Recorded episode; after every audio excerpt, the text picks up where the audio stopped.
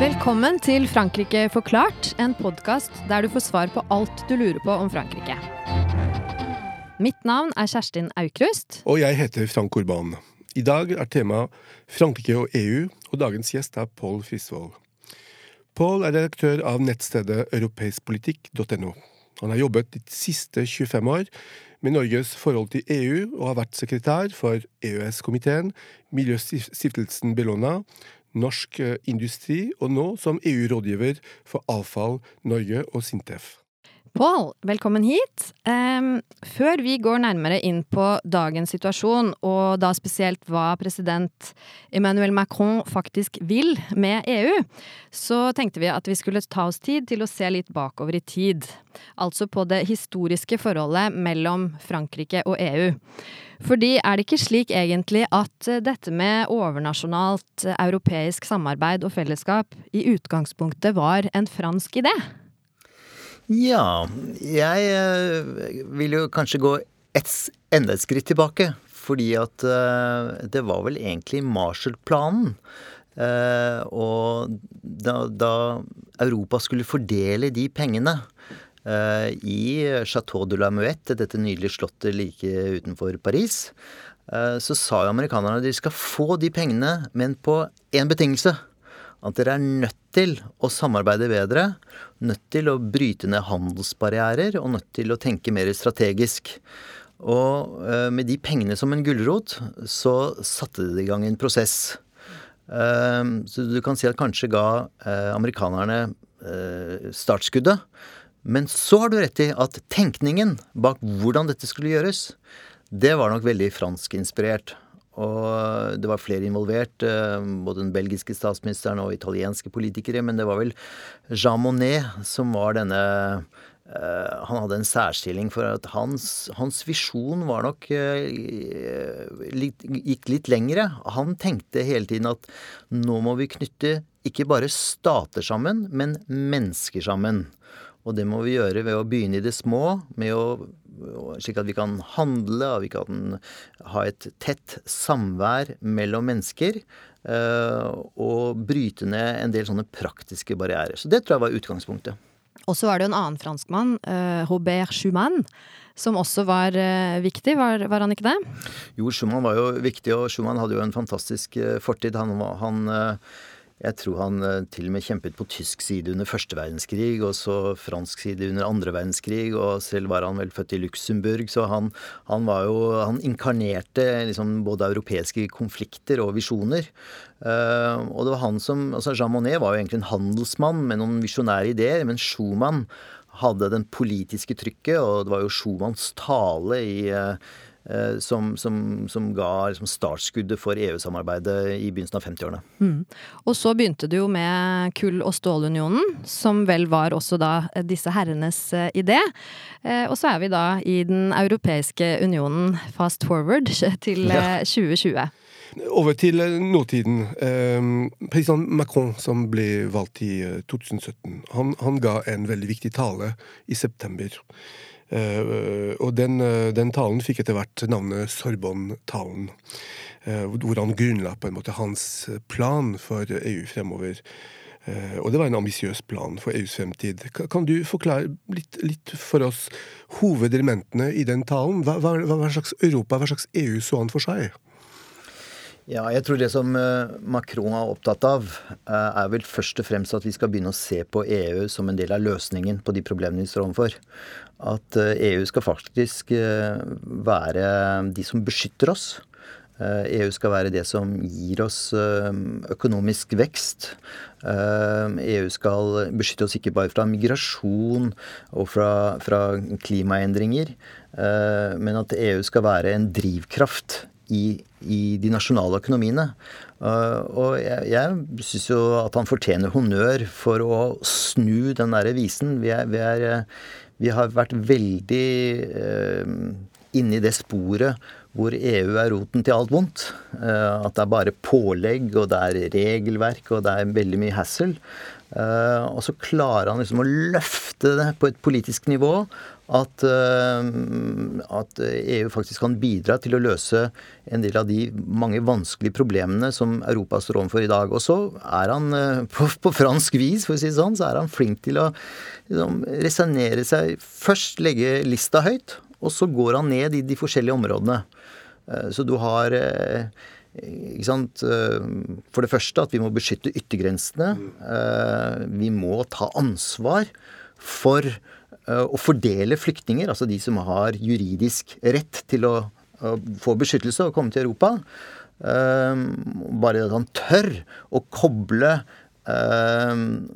rettigheten til å ha fri sirkulasjon innenfor Schengen med at man også må ta imot sin andel, det er jo politisk sprengstoff i, i, EU, kan du si. Men det, er jo, det, det, henger jo på greip hvis EU skal være et felles uh, prosjekt.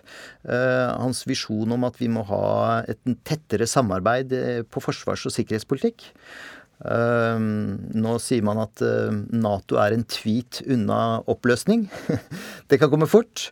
det kommer ikke selvfølgelig så fort, og Jens Stoltenberg har vært flink til å til å redde Trumps uh, villfarsel i, i, i, i Nato-samarbeidet. Men det er klart at eh, det vi ser nå, er at Europa må ta et større ansvar. Uh, og der har han også turt å være visjonær og trekke opp noen ganske konkrete uh, samarbeidsprosjekt. Og så går han løs på uh, dette med utdanning, f.eks. Europeiske universiteter. Bare jeg sitter i Brussel også og ser nå hvordan europeiske universiteter nå begynner å samarbeide på en helt annen måte. Mm. Um, og han tar liksom område for område. Um, finanspolitikk, det er også vært et, um, et område som har blitt hvor eurosamarbeidet har fått stor kritikk. Dette med at du kan ikke ha en felles valuta og rentepolitikk hvis du ikke har en felles finanspolitikk eller felles budsjett. Um, og der har han overhodet ikke lykkes, men uh, han, som EU-samarbeidet ofte gjør, det begynner i det små. Så på en rekke av disse viktige områdene som, uh, hvor EU ikke har Altså Hva er det EU-samarbeidet har lidd av? Jo, det har lidd av at det har fått veldig mye kritikk for områder de ikke har vært ansvarlige for. Mm.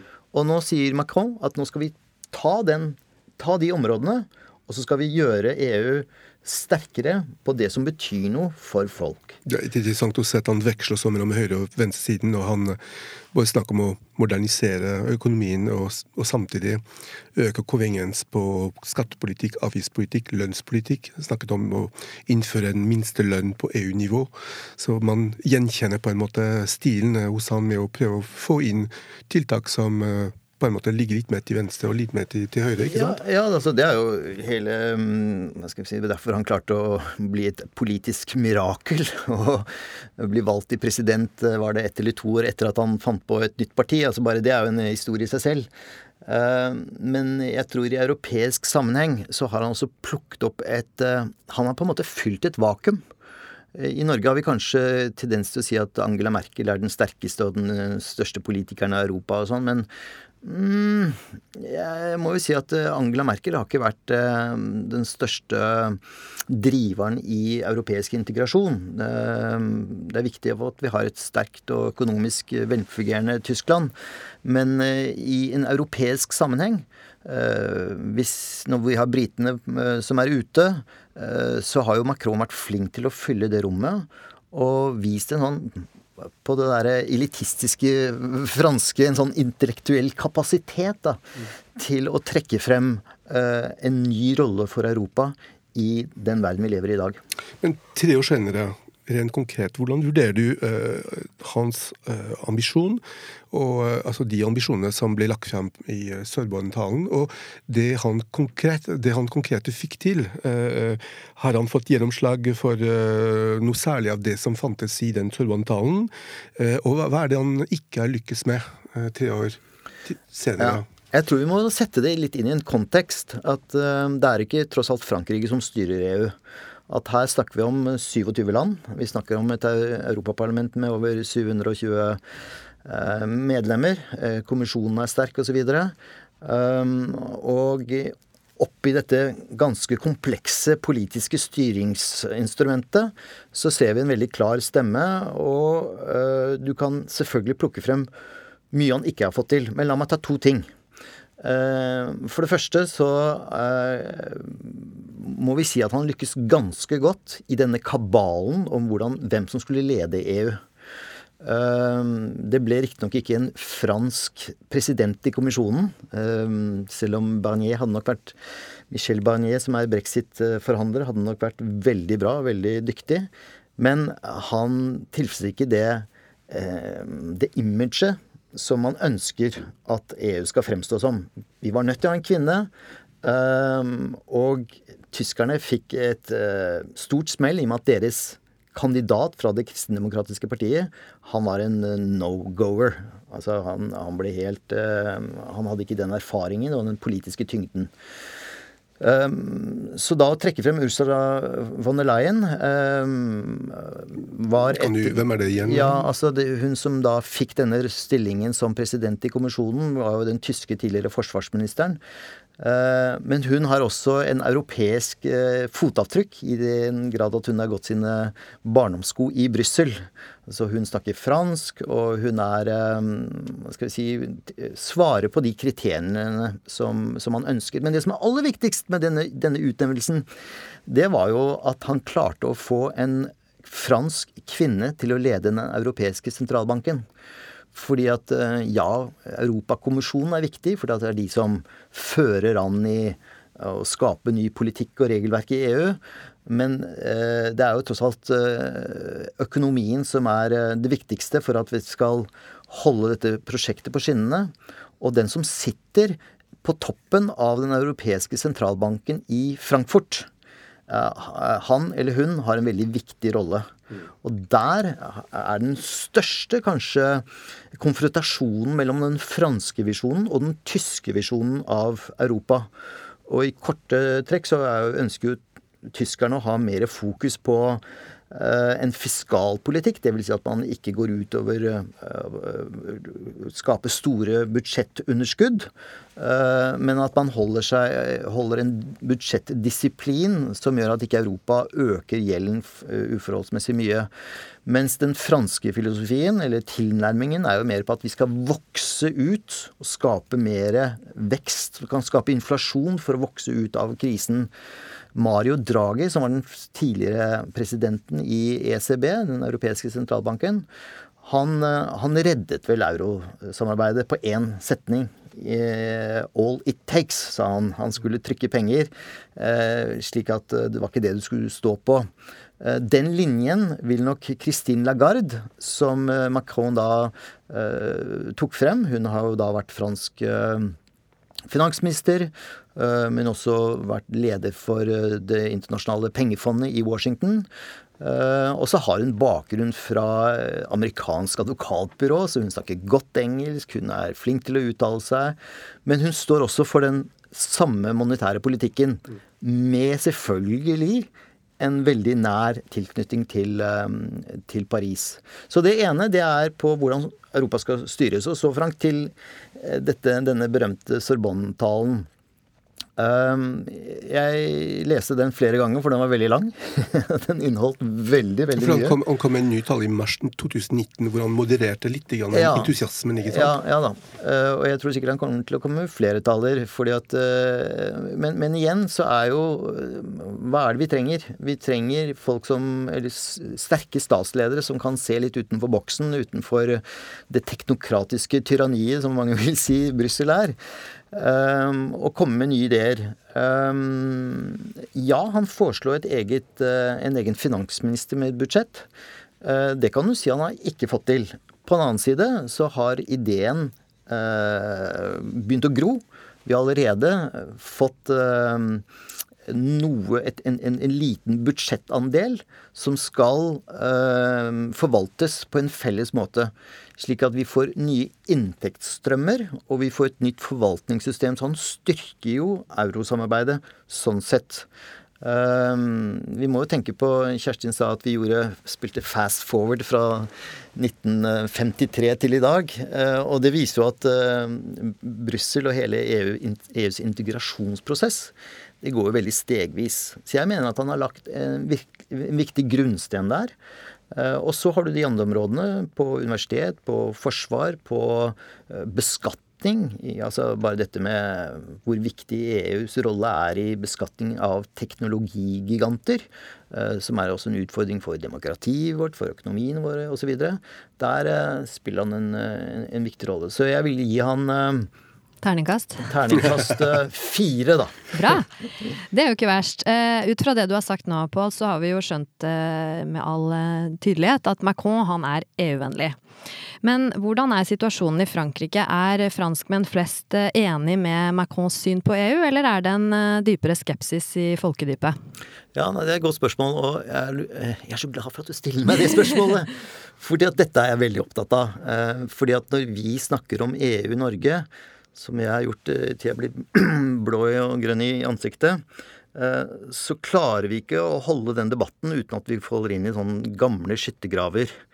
Um, Eh, om vi er ja eller nei eller for eller mot osv. Og, så og det er så befriende med den franske debatten. Du har selvfølgelig noen ytterst høyre og ytterst venstre som er kritiske til samarbeidet, men selv Marine Le Pen, som er da leder av det grusomme navnet Nasjonal Samling, eh, som, som, som, som, det franske ytre høyre-partiet heter nå, eh, hun har jo moderert seg i forhold til, eh, til EUs eksistens, og til og med euroens eksistens.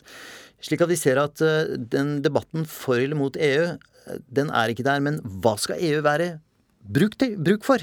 Hvordan skal vi utnytte de mulighetene som EU-samarbeidet gir oss, for at land som Frankrike og de andre landene skal kunne vokse? Det er en stor debatt. Og der føler jeg at han har ganske stor backing i, i det franske folk. Jeg har sett en del spørreundersøkelser som uh, har gått på hva, hva folks uh, følelser er uh, når de tenker på EU. Og da ser vi at de som dominerer er følelser som likegyldighet, selvfølgelig skepsis, og at det er mye avstand. De opplever ikke at EU er relevant for deres hverdag. Og kanskje noen få også avsky, og veldig få da begeistring, entusiasme, optimisme. Hva tenker du om, om at franskmenn stort sett har disse følelsene overfor EU, som de selv har vært med på å bygge opp? Ja, og det er klart at uh, når Frankrike sliter med så mange grunnleggende problemstillinger, uh, lav økonomisk, økonomisk vekst, uh, høy, fortsatt høy arbeidsledighet, ganske intense indre konflikter, Uh, pensjonsreformen som går nå, uh, som et sånt uh, teaterstykke av Molière, på en måte, foran, alle, foran hele franske folk. Eh, så kommer nok ikke den drømmen om et samlet Europa så veldig høyt. Og du har også rett i dette med at eh, folk føler en, en litt sånn eh, Klart man føler en avstand. Og man føler at dette er et, et system hvor, som er skapt for myndighetene, og ikke for folket. Så den derre tanken til Jean Monnet, for å komme tilbake til han, den, den la, la, meg si en ting om den. fordi at um, Det er veldig mye som fungerer i EU. Men alt det som fungerer i EU, det tar vi helt for granted. Um, I Norge så pleier vi å si at EU-samarbeidet er som flytrafikken. Vi bare hører om de flyene som krasjer. Vi hører ikke om alle de flyene som Hvis du går inn på en app og ser alle de flyene som er i luften, så er det veldig mye som fungerer. Men når noe ikke fungerer, så kan det lett bli en hoggestabbe.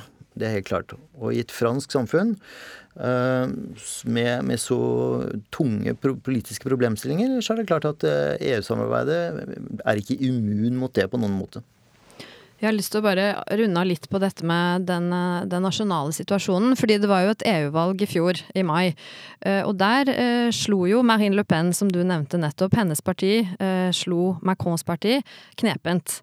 Og de har nå fått en, en viktigere plass i, i EU-parlamentet, sammen med også andre høyrepopulistiske og EU-kritiske partier fra andre land. Eh, hva er din vurdering av det nye EU-parlamentet, og da spesielt eh, Frankrikes rolle i det? Ja, men altså Veldig bra. Det er så bra at vi får divergerende stemmer inn. For vi husker på at Europaparlamentet er en politisk arena. og hvis ikke den kan gjenspeile de politiske strømningene som finnes i Europa, så, så, så, det, så spiller det ut sin, sin, rolle. Og det andre er å si at EU det er ikke en dør eller en postkasse eller en, et direktiv. EU har vokst seg fra 53 til i dag som en politisk prosess. Og politiske prosesser må være inkluderende, de må være transparente, de må være de, de, må kunne holde politiske debatter uh, hvor man må tåle at uh, man får synspunkter fra flere områder. De høyre uh, ekstreme, eller på ytre høyre, har jo en veldig viktig rolle å spille når de, og, og veldig mange gode argumenter når de tar opp ting. Uh, som f.eks. distansen, meningsløse regelverk uh, osv. Så, videre. så man trenger en motpol. Og så er det det at den er ikke bare fra ytre høyre. Den er i aller ytterste grad fra ytre, høyre, fra ytre venstre.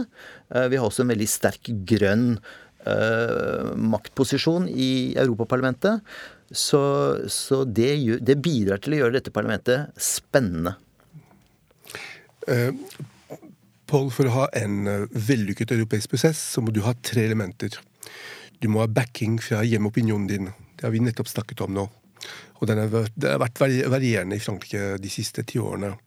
Og så må du ha allierte i EU-systemet, eh, som du henter fra medlemslandene. Du må bygge opp koalisjoner. Det tredje elementet det er eh, det man har kalt gjennom tidene eh, et fransk-tysk par, en fransk-tysk motor. Eh, og den motoren, Jeg vil fokusere litt på den motoren. For den kvaliteten på den motoren den har gått fra å være bensin til diesel. Nå prøver den seg på å være litt eldrevet. Men den har vært veldig god tidligere, og de siste årene så har ikke den motoren vært så effektiv. Hva er ditt inntrykk av, av dette samarbeidet mellom Macron og Merkel i dag? Hva er personlig, og hva er strukturelt? Ja, eh, veldig viktig spørsmål. Jeg tror det er superviktig å fokusere at vi, at vi løfter frem hva som egentlig skjedd her. Fordi at uh, Hvorfor ligger Europaparlamentet i Strasbourg? Jo, fordi at det er i det området som har vært uh, kriget om i så mange år. Og det representerer at den liksom, fransk-tyske aksen er drivkraften og hele motivasjonen til dette. Men det vi ser nå, at dette fransk-tyske uh, navet i EU-samarbeidet ikke har den samme rollen, jeg ser på det som et modningstegn. Fordi at eh, nå er ikke eh, det fransk-tyske freden det som er drivkraften. Det som er drivkraften nå, det er hvordan kan vi løfte hele Europa, og særlig Øst- og Sør-Europa, opp på et økonomisk nivå. Hvordan kan vi forsvare våre interesser eh, internt, men også globalt. Og vi så nå at Macron dro til Polen og snakket med sin uh, polske kollega. Og det er vel en sånn uh, ledd i en, en, modningsprosess hvor um, nå er det ikke lenger uh, mamma og pappa som driver dette her, Tyskland og Frankrike. Nå må man løfte frem og gi, gi hver nasjon sin anledning. Eh, fordi at eh, disse landene har brukt tid for å komme seg på fote økonomisk, men nå vil de også delta mer i den politiske utviklingen. Så jeg ser på det som en veldig sunn utviklingstrekk i, i EU. På slutten av eh, hver episode så ber vi eh, vår gjest om å komme med en liten fransk anbefaling. Eh, det kan i og for seg være hva som helst, en bok, en film, en podkast. Hva er din anbefaling til våre lyttere, Pål? Ja, jeg, jeg, tenkte mye på det. Og, for det første er det bok av en ung fransk eh, hva skal vi si, elitist, fordi han er sønn av en filosof. Han gikk på Sciences Po, dette franske universitetet hvor eh, Jonas Støre gikk også. Han heter Rafael Glucksmann. Han er vel også nyvalgt eh, medlem i EU-parlamentet? Han ble jo også altså veldig raskt, liksom Macron entret den politiske arenaen og ble faktisk valgt inn av et parti som ikke fikk så mye støtte, men allikevel. Eh, det som er morsomt med han, det er at eh, han sier at ja, men hallo, eh, vi unge europeere, nå må vi våkne opp. Altså, dette systemet har vært drevet av avdankede byråkrater og politikere vi ikke ønsker å se lenger hjemme. Vi må jo ha noen unge, dynamiske Hvis vi virkelig skal tro på dette, så må vi gå inn og gjøre det selv. Og han uh, slutta med studiene sine og dro ut og gjorde feltarbeid og, uh, i Afrika og så på hvordan verden uh, fungerte, og, og, var veldig opptatt av at men jøss, her trenger vi en sterk europeisk stemme. Så han skrev en morsom tittel som heter 'Generation Gueule de Bois', som er jo da liksom Hva betyr det, Frank? Dagen derpå? Dagen derpå-generasjonen, ja. Dagen derpå-generasjonen. Og det er fordi at vi er jo ganske godt skodd og litt bortskjemte, men nå må vi våkne opp. Så den vil jeg absolutt anbefale. Og så er jeg en uh, sucker for talkshows. Og uh, altså, amerikanske talkshows ser vi mye av hjemme, men du verden og gode de franske talkshowene er. Altså, Særlig de, er, de politiske? De politiske, og vi har jo på alle TV mange TV-kanaler mellom syv og åtte hver kveld, så er det jo da talkshows. og Uh, Vo, som er eh, på denne franske femtekanalen, er veldig god med masse varierte gjester. Men det er én som er min favoritt, og det er en komiker som heter Sandrine Saroche. Eh, som har denne fantastiske evnen til å være politisk kronikør, skuespiller, sangerinne, og tar alle på kornet. Frank, du eh, har også en anbefaling helt på tampen? Jo, jeg tenker på de som er interessert i uh, europeisk etterkrigshistorie og EU eh, e etter 1945. Spesielt når det gjelder forholdet mellom e Frankrike og EU, så finnes det en bok som er skrevet av en veldig veldig kjent historiker, Gérard Bossuat. Uh, og den boken er fra 2012. Den heter La France et la construction de l'unité européenne de 1919 à nos jours, altså Frankrike og eh, den europeiske eh, in, øh, integrasjonsprosess fra 1919 til i dag. så det, den gir en veldig god gjennomgang av Frankrikes forhold til, til EU historisk. Jeg støtter den anbefalingen. Jeg har selv hatt boka på pensum. Da gjenstår det bare å takke vår gjest, Pål Frisvold. Så høres vi igjen i neste episode av Frankrike forklart. Au revoir! Frankrike forklart er et samarbeid mellom Universitetet i Oslo og Høgskolen i Østfold. Har du kommentarer eller forslag til temaer vi bør ta opp, kan du gjøre det via vår Facebook-side Frankrike forklart. Her vil du også finne info om dagens episode.